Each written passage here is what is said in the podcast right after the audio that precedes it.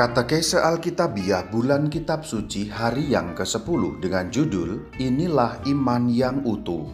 Shalom Alaikum. Sekarang mari menengok apa yang gereja Katolik ajarkan berkaitan dengan tradisi suci dan Alkitab suci, yaitu dua cara penerusan wahyu ilahi. Iman Kristen yang utuh adalah iman yang berlandaskan keduanya. Kalau hanya berlandaskan salah satunya, maka iman itu tidak utuh.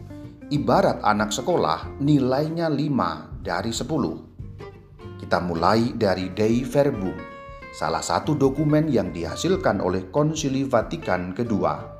Dei Verbum artikel 8. Oleh karena itu, pewartaan para rasul harus dilestarikan sampai kepenuhan zaman melalui penggantian-penggantian yang tiada putusnya, supaya kaum beriman berpegang teguh pada ajaran-ajaran warisan yang telah mereka terima, entah secara lisan, entah secara tertulis. Lihat 2 Tesalonika 2 ayat 15.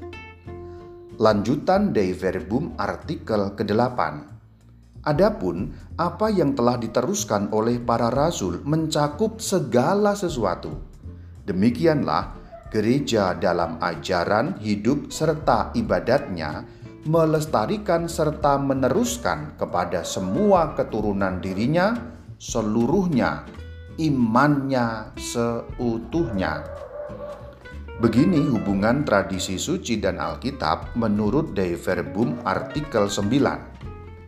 Jadi tradisi suci dan kitab suci berhubungan erat sekali dan berpadu sebab keduanya mengalir dari sumber ilahi yang sama dan dengan cara tertentu bergabung menjadi satu dan menjurus ke arah tujuan yang sama.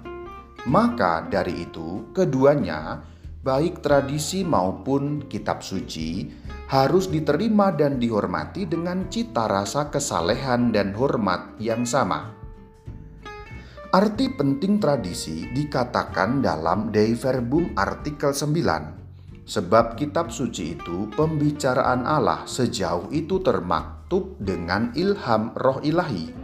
Sedangkan oleh tradisi suci, sabda Allah yang oleh Kristus Tuhan dan Roh Kudus dipercayakan kepada para rasul disalurkan seutuhnya kepada para pengganti mereka.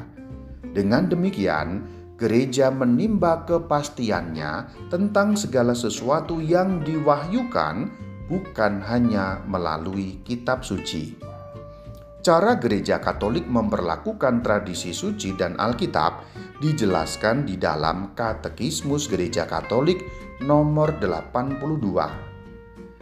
Dengan demikian, maka gereja yang dipercayakan untuk meneruskan dan menjelaskan wahyu, menimba kepastiannya tentang segala sesuatu yang diwahyukan, bukan hanya melalui kitab suci, maka dari itu, keduanya, baik tradisi maupun kitab suci, harus diterima dan dihormati dengan cita rasa kesalehan dan hormat yang sama. KGK nomor 83 mengajarkan tradisi yang kita bicarakan di sini berasal dari para rasul yang meneruskan apa yang mereka ambil dari ajaran dan contoh Yesus dan yang mereka dengar dari Roh Kudus. Generasi Kristen yang pertama ini belum mempunyai perjanjian baru yang tertulis, dan perjanjian baru itu sendiri memberi kesaksian tentang proses tradisi yang hidup itu.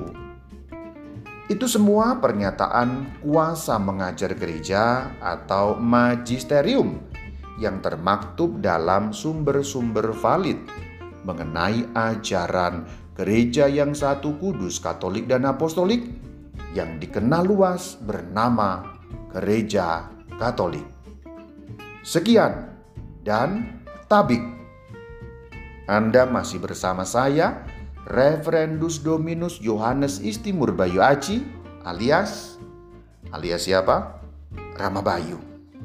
Shalom Alaikum.